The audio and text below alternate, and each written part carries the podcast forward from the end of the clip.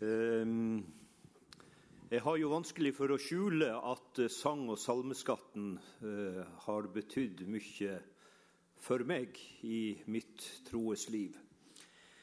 Ehm, det, det er ikke få av de salmene, ikke minst, vi har i sangboka vår, som har et veldig sterkt sjelesørgerisk sikte. En av de som har eh, vært meg ofte til hjelp, eh, begynner sånn når meg min synd vil krenke. O dyre frelser min, da la meg vel betenke ditt kors og nåden din.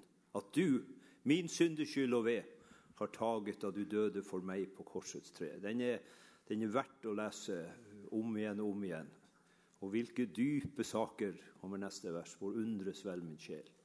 Se Herren døden smaker i stedet for sin trell.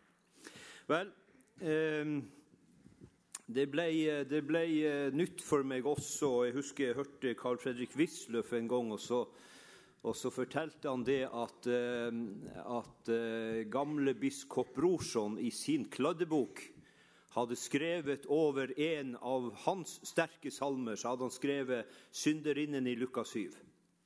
Og jeg tenkte hvilken da?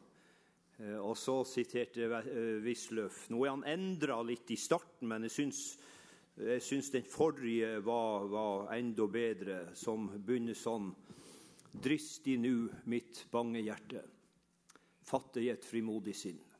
Altså, Da hadde brorson sett hun for seg.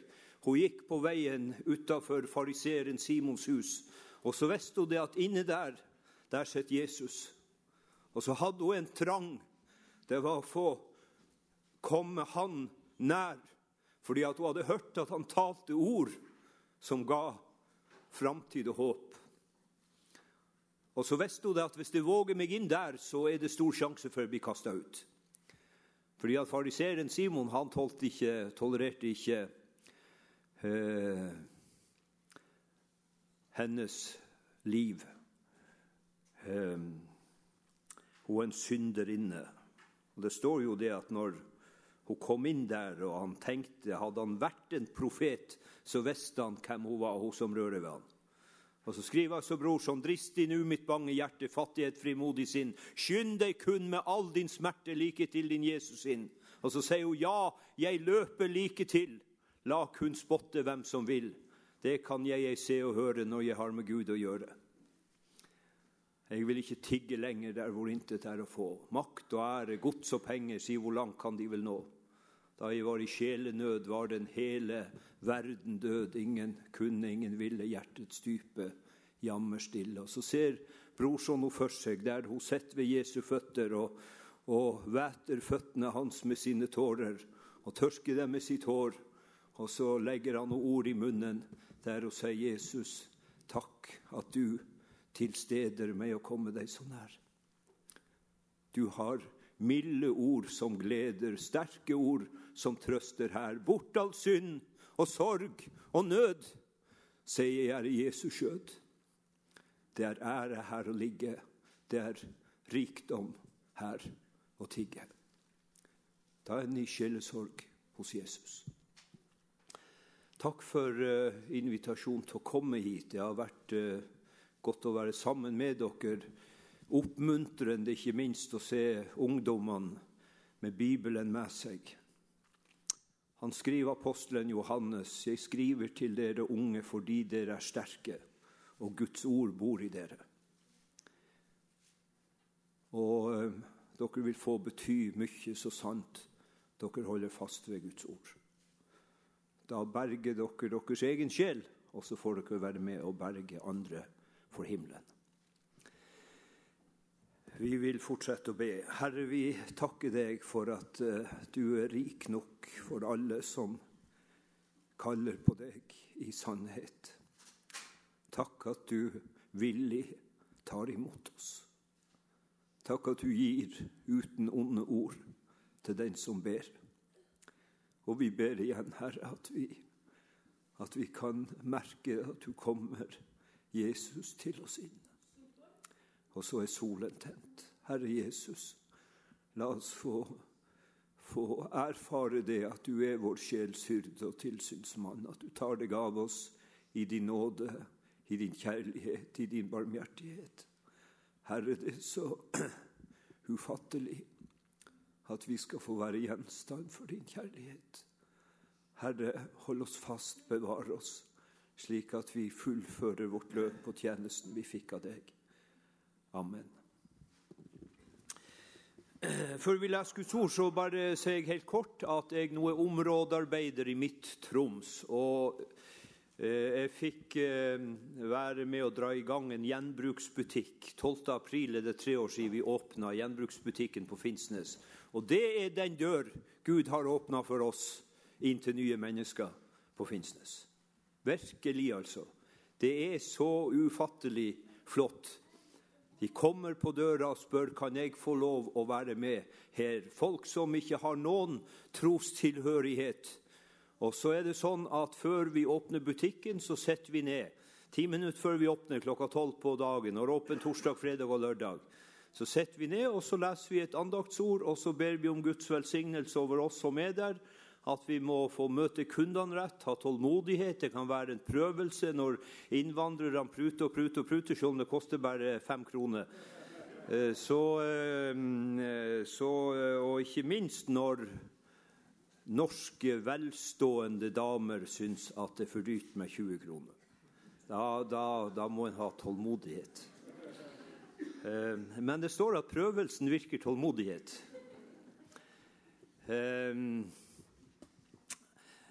Eh, det jeg skulle si, er altså at, at, at der sitter altså Vi har 50, ca. 50 frivillige som jobber i butikken, som tar kanskje en formiddag en gang for måneden eller hver 14. dag, eller hele dagen fra 12 til 5 som vi har åpent.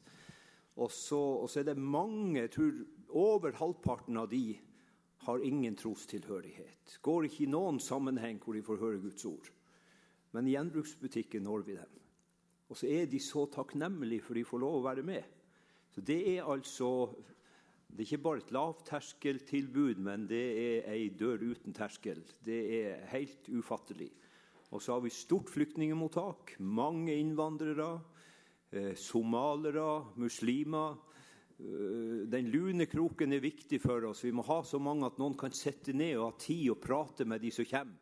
Og så er det stadig vekk en anledning til samtale. Så kan du sitte i den lune kroken og se på den store skjermen der prosjektene ruller, og, og, og en ser hva pengene overskuddet går til. Og Så satt jeg altså i kroken med en mann på vel 50 år som har drevet med profan musikk, verdslig musikk. Eh, Uh, og, og, Så satt han liksom og, og kjekk litt på skjermen, og så var det akkurat fra Mongolia da det rulla opp. Og så sier han er, er, det, er, det, er det, noe med misjon, det her, sier han. Ja, så sier de at det her er en, en, en butikk eh, på Da var det 29 vi hadde, men nå er det jo 33.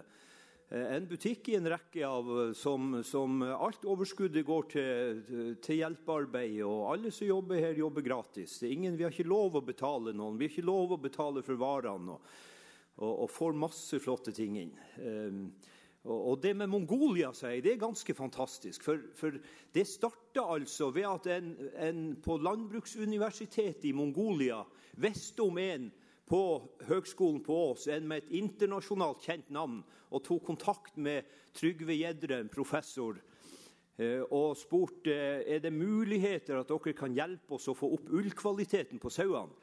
Fordi at de hadde for dårlig ullkvalitet. De har en tradisjon med å tove flotte klesplagg av ull. Og så reiste altså Trygve Gjedrem til Mongolia med stort overskrift i Vårt Land med sauesæd og bibel til Mongolia så hadde han en dunk med frosne strå, 197 grader flytende nitrogen. Eh, nå er jo han professor i genetikk på fisk, da, så jeg tror ikke det der insemineringa ble så særlig vellykket. Men det var starten eh, på eh, kontakten. Og så fortalte jeg altså for denne mannen at da Trygve Gjedrem kom og vi begynte arbeid for 20 år siden, så måtte en leite for å finne fem kristne i dette svære landet med 2,6 millioner mennesker og 28 millioner husdyr. Og I dag regner de med at det er kanskje 60 70 80 90 000 kristne. Han hakeslepp, altså.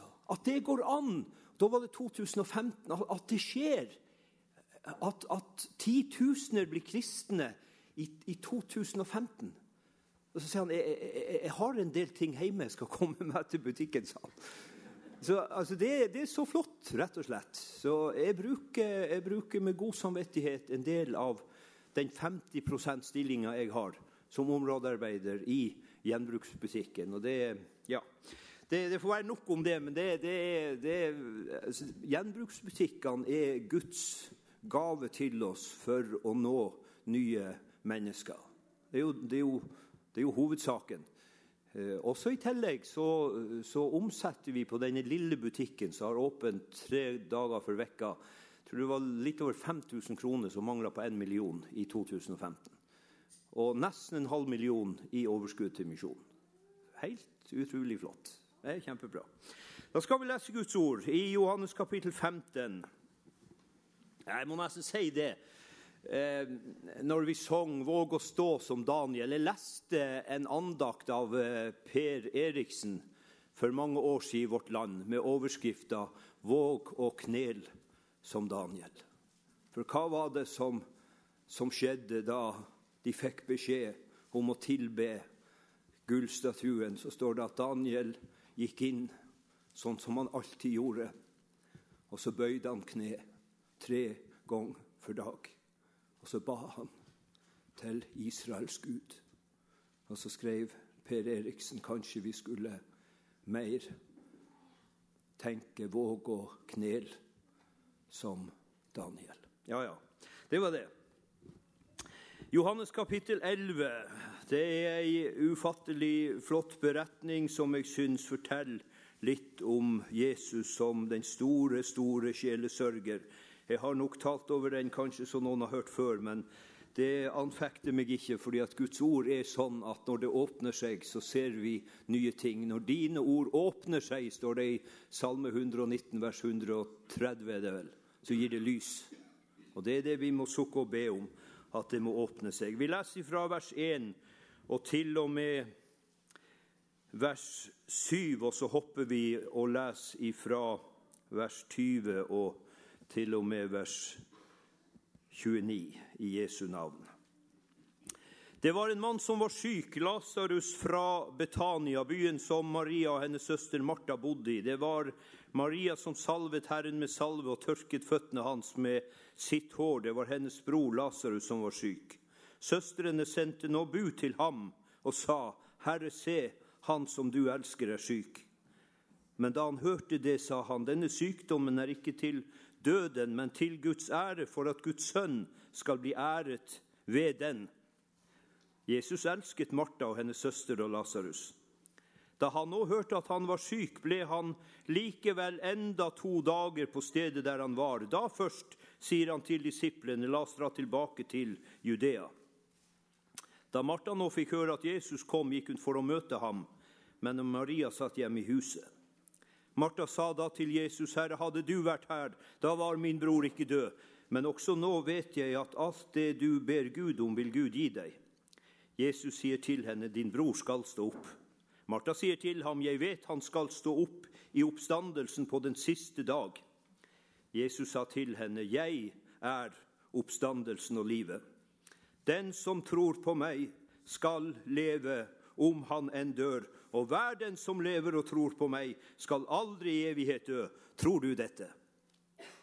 Hun sier til ham, Ja, Herre, jeg tror at du er Messias, Guds sønn, han som skal komme til verden. Da hun hadde sagt dette, gikk hun og kalte i stillhet på sin søster Maria og sa, Mesteren er her og kaller på deg. Da hun hørte det, sto hun fort opp og gikk til ham. Amen.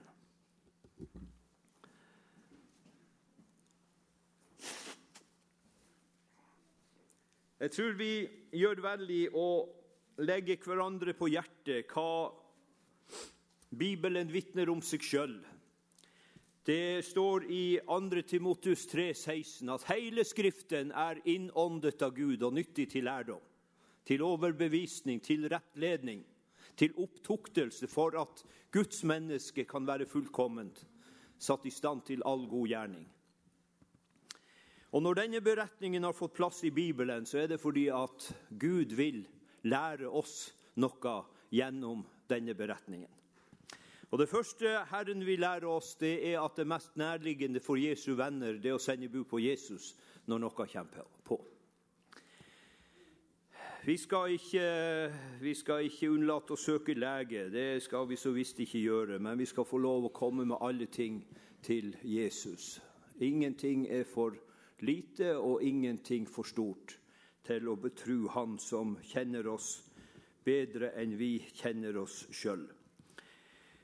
Ehm, Martha og Maria og Lasarus var jo av Jesu venner. Det vet vi som leser i Bibelen. Og, eh, og så opplevde altså de to søstrene at, eh, at bror deres ble sengeliggende. Eh, og de skjønte ganske fort at uh, det her er mer enn ei vanlig influensa. De så at her, her, her vil det stå om liv. Og de fant ut at vi må få sende bud på Jesus.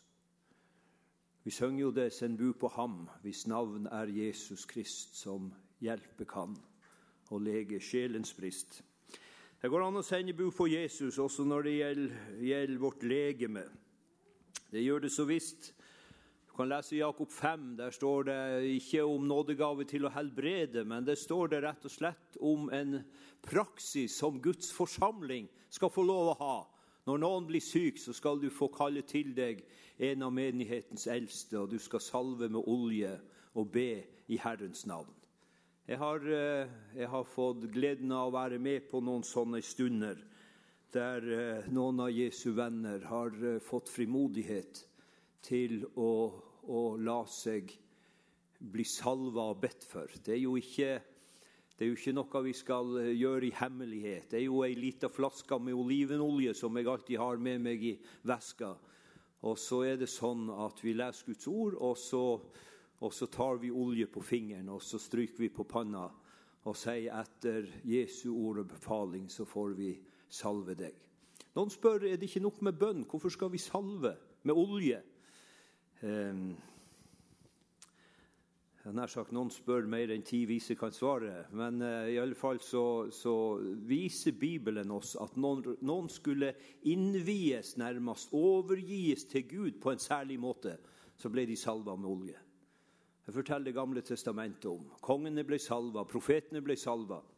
Og Sånn skal vi få lov å tro at, at når vi handler på Guds ord, så handler vi aldri forgjeves. Um, og så har jeg opplevd at uh, noen ikke ble friske. Um, sykdommen utvikla seg, og en kunne spørre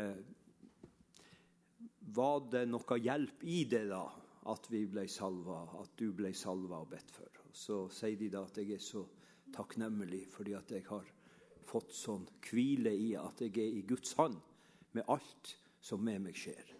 En, en Guds fred som overgår all forstand. Jo, det er Filipperbrevet 4-6 vitner om. Å komme med alle sine bekymringer til Han. Og så skal Guds fred, som overgår all forstand, bevare hjerteliv og tankeliv i Kristus Jesus. Og Det som står der i Jakob kapittel 5, det er ikke knytta til nådegave til å helbrede, men det er rett og slett en praksis som vi som Guds folk skal få lov å ha, og som vi skulle gjøre oss mer i bruk av. For det knytter løfter til det. Vel, jeg har sett for meg at disse to søstrene de, Det er jo tydelig at de oppsøkte ikke Jesus sjøl. Som, som, andre så hadde de sikkert en nabogutt som de brukte når det var et eller annet de skulle ha utretta. Eh, og jeg har sett for meg at de fikk tak i nabogutten, og så sier de det at Lasarus er syk. Det, det, det, ser ut til at det er alvorlig.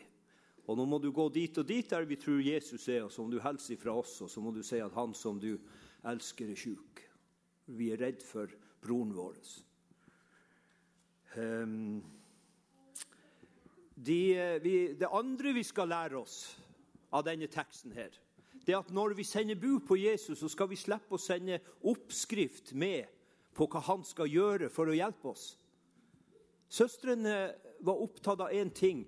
Det var å få sagt til Jesus at, at Lasarus er syk. Og så hadde de tillit til at Jesus ville hjelpe. Jesus hadde jo sjøl sagt at når dere ber, så skal dere ikke bruke mange ord slik som hedningene, som tror at de blir bønnhørt for sine mange ords skyld. Det taler han om i Matteus kapittel 6. En kan jo undres når Bibelen også sier det at du skal be uavlatelig. Hvordan går det sammen med at Jesus sier at du trenger ikke å bruke mange ord? Jeg tror rett og slett at det har med det å ha bønnens ånd, å ha himmelkontakt, det å vite det at veien opp av det frie skal få lov å ha kontakt med min himmelske Far. Alltid. Også i de praktiske ting. Jeg har sett for meg Moses der han, der han står nærmest på, på, på, på bergkanten med havet bak seg og, og fjellene på sida, og røyken av faraos hester og vogner kommer, og folket trenger på og sier 'Hvorfor har du ført oss ut i ørkenen, så vi må dø her?' Og så står det ikke at folket hørte at Moses sa noe, men Herren sier til Moses, 'Hvorfor roper du, Moses?' Hvorfor roper du, Moses? Et hjerte som, som roper i nød, Herre. Nå veit jeg ikke vei. Og så sier Gud, dra videre, sier han. Dra videre. Og så åpna det seg vei der det ikke var vei. Sånn er Gud, for han er allmaktens Gud. Han kan gjøre mer enn alt, står det. Kan du tenke deg det? Å få høre Han til, som kan gjøre mer enn alt. Langt utover det vi ber og forstår. Ufattelig. Men vi trenger å la Guds ord minne oss om det, at vi har med allmaktens Gud å gjøre. At vi får ha Han til far og Jesus til bror. Lina Sandell som, som sier er det, er det sant at Jesus er min broder, og at himmelens arm meg hører til. Ja, hvis det er sant, så bort med alle tårefloder!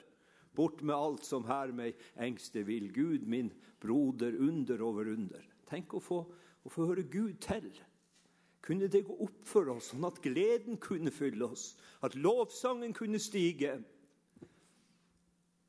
Som Paulus og Silas de satt innesperra inne i det innste fangerom i fengselet i Filippi. Og så står det ved midnattstid holdt Paulus og Silas bønn og sang lovsang til Gud. står det. Og ikke Ytre omstendigheter innbydde ikke til lovsang, men de kjente Han som har sagt 'Jeg er med' alle dager. Og jeg ser deg, og jeg følger deg, og jeg skal være med og bevare deg. Og så står det fangene hørte på dem. Jeg har sett for meg hvor de, hvor de halvsøvne lurte på hva er det som skjer i det innste fangerom. Det er noen som synger lovsang. Tenk om Guds folk kunne begynne å synge lovsang for frelsen, full og fri. Og jeg tror det var noen fanger rundt oss som ville tenke Å, om jeg hadde det som hun har. Og om jeg hadde det som han har. Tenk å få bære med seg himmelsangen, hjertetrangen, anførersangen, sang vi. Emnet for sangen er Jesu blod. Vel, vi skal altså slippe å sende oppskrifta med når vi roper på Jesus. Jeg syns det er så flott med Jesu mor Maria. Det var når det står om det første under som Jesus gjorde i bryllupet i Kana i Galilea. Maria, Jesu mor, hadde nok opplevd merkelige ting med Jesus.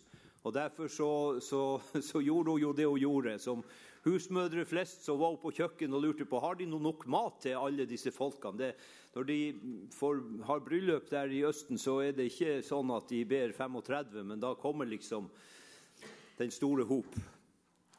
Og så, og så ser hun da at de blir å slippe opp med øh, vin lenge før at selskapet er over. Og så går hun til Jesus og sier de, 'Herre, de har ikke mer vin'.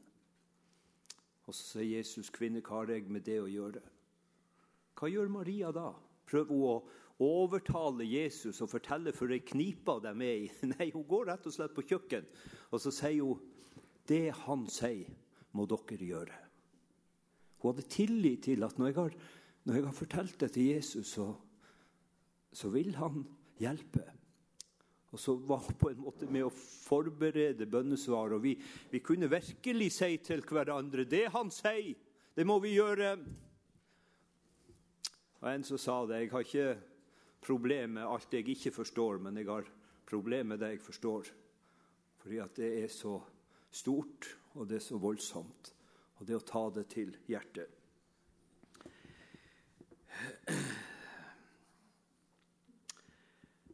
Da Jesus hørte det, altså at Lasarus var syk, så sa han denne sykdommen er ikke til døden, men til Guds ære, for at Guds sønn skal bli æret ved den.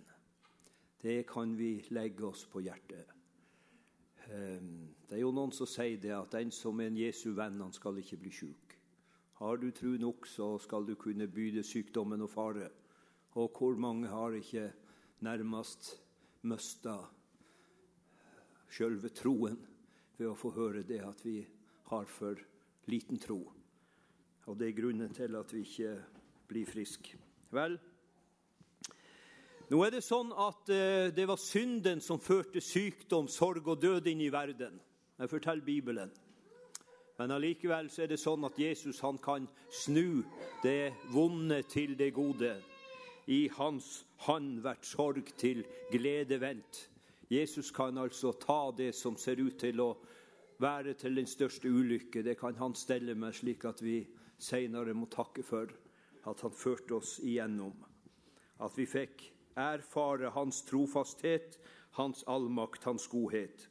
Denne sykdommen er ikke til døden, men til Guds ære, for at Guds sønn skal bli æret ved den. Og vi kunne lure på hadde ikke Jesus kontroll skjønte han ikke hvor alvorlig det var. Lasarus døde jo.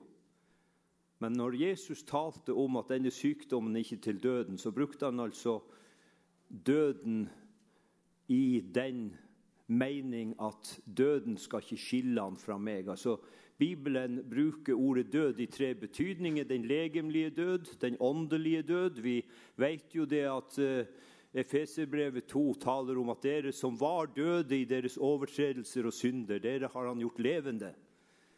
For den som ikke kjenner Jesus og ikke har tatt imot frelsen, han er åndelig død. Han er skilt fra Gud, for død betyr å bli skilt fra. Og så sier Jesus at denne sykdommen er ikke sånn at den skal skille Lasarus ifra meg. Og det er jo dette som er så sterkt når han senere møter Martha.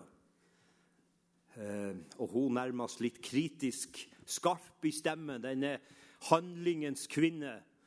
Eh, for det står at hun, når hun, de fikk høre at Jesus kom, så gikk Martha for å møte han. Og Maria, som ellers måtte være ved Jesu føtter, hun satt hjemme i huset. Men Martha gikk, og så sier hun, 'Herre, hadde du vært her, så var min bror ikke død.' Og så er det som hun tar seg litt i det. Så sier hun at, 'Men også nå vet jeg at alt det du ber Gud om, vil Gud gi deg.' Og så sier Jesus at din bror skal stå opp. Ja, jeg vet han skal stå opp i oppstandelsen på den ytterste dag, men liksom, du hører det jo så lenge til. Det er jo nå vi trenger han. Og så er det at Jesus sier, 'Jeg, jeg er oppstandelsen og livet'. Den som tror på meg, skal leve om han enn dør. Og hver den som lever og tror på meg, skal aldri i evighet dø. Tror du dette, sier han. Hva er det Jesus sier her? Jesus sier det at den som, hver den som lever og tror på meg, skal aldri bli skilt fra meg. Det er det Jesus sier. Vi hørte det i åpningsordet for første timen fra Romerne 8. Hvem kan skille oss fra Kristi kjærlighet? Trengsel eller angst eller fare eller sverd? Jeg er viss på at verken død eller liv, verken engler eller krefter, verken det som nå er eller det som kommer skal, verken død, verken høyde eller dybde eller noen annen skapning, skal kunne skille meg fra Guds kjærlighet i Kristus Jesus. Jesus går med også i dødsskyggens dal. Det, det, er sånn at også en sykdom kan bli til Guds ære når vi får komme med den til Jesus. Tenk det. Et vitnesbyrd for andre at jeg har en plass hvor jeg går også med min skrøpelighet, også med min sykdom, også med min synd.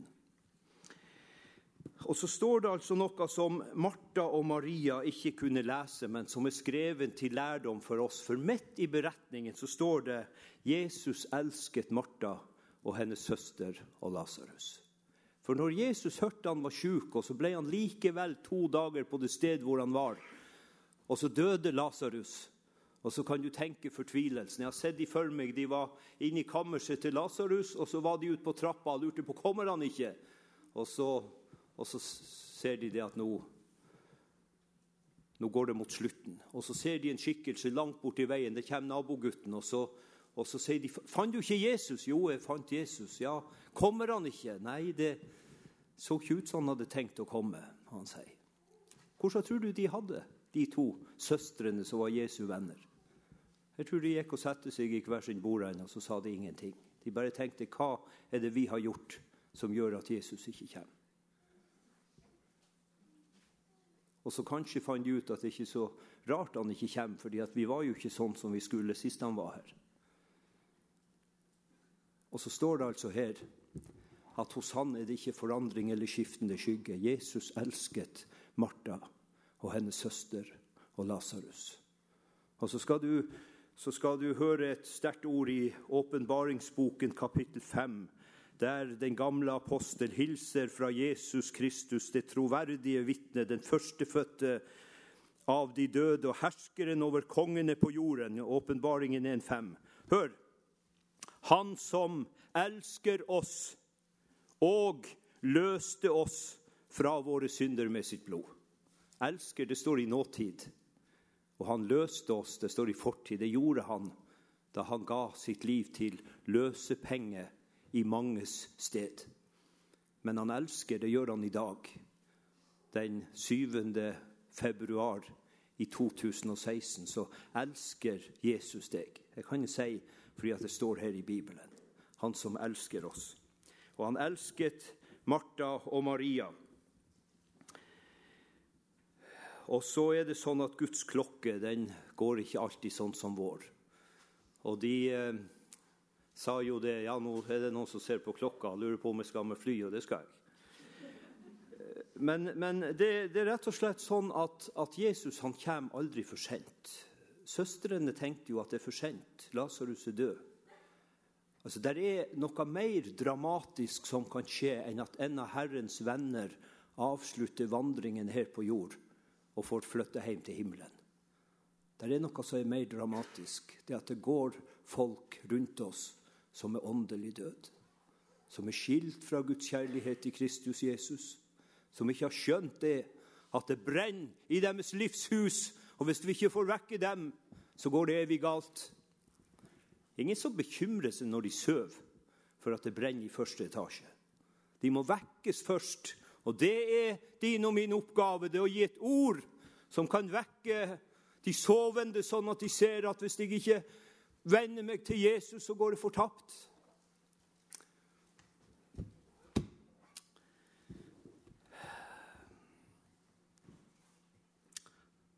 Og så, eh, og så ble, så ble Martha hjulpen av at Jesus vendte oppmerksomheten bort ifra død og grav og på seg sjøl og sier 'Jeg er oppstandelsen og livet'. Og Så ble hun så hjulpen at hun, hun tenkte dette må Maria få greie på. Og så, og så gikk hun og kalte i stillhet på sin søster Maria og sa 'Mesteren er her og kaller på deg'. Så står det da hun hørte det, sto hun fort opp og gikk til ham. Det skaper et lite ord. Det er sikkert noen som ble borte fra forsamlingen også her. Kanskje er det noen som har snakka om det men ikke til den som ble borte. Tenk om vi kunne få si det at, at du er fortsatt elsket av Jesus, selv om det var noe som gikk galt i livet ditt. Jesus vil ha deg. Det skal ofte bare et lite ord til. Og så står det da hun hørte det, sto hun fort opp og gikk til ham. Måtte Gud hjelpe oss at vi fikk være slike Martha som kunne få bære fram en hilsen fra Jesus og så må det ikke bli sånn med meg som eh, med gamle biskop Nordervall. Han skulle tale på en midnattsgudstjeneste på nyttårsaften. og Så skulle han være ferdig akkurat til midnatt, og så skulle de ringe inn det nye år. Og eh, Han var jo biskop oppe i nord i min ungdom, og han var en som talte uten manuskript. Og så glemte han seg av. Og teknikeren som styrte med alt det der, han var nærmest litt forarga da det gikk over tid. Han sa jeg har ikke sett en sånn prest enn han preiker år ut og år inn. sa han. For da, da gikk det over.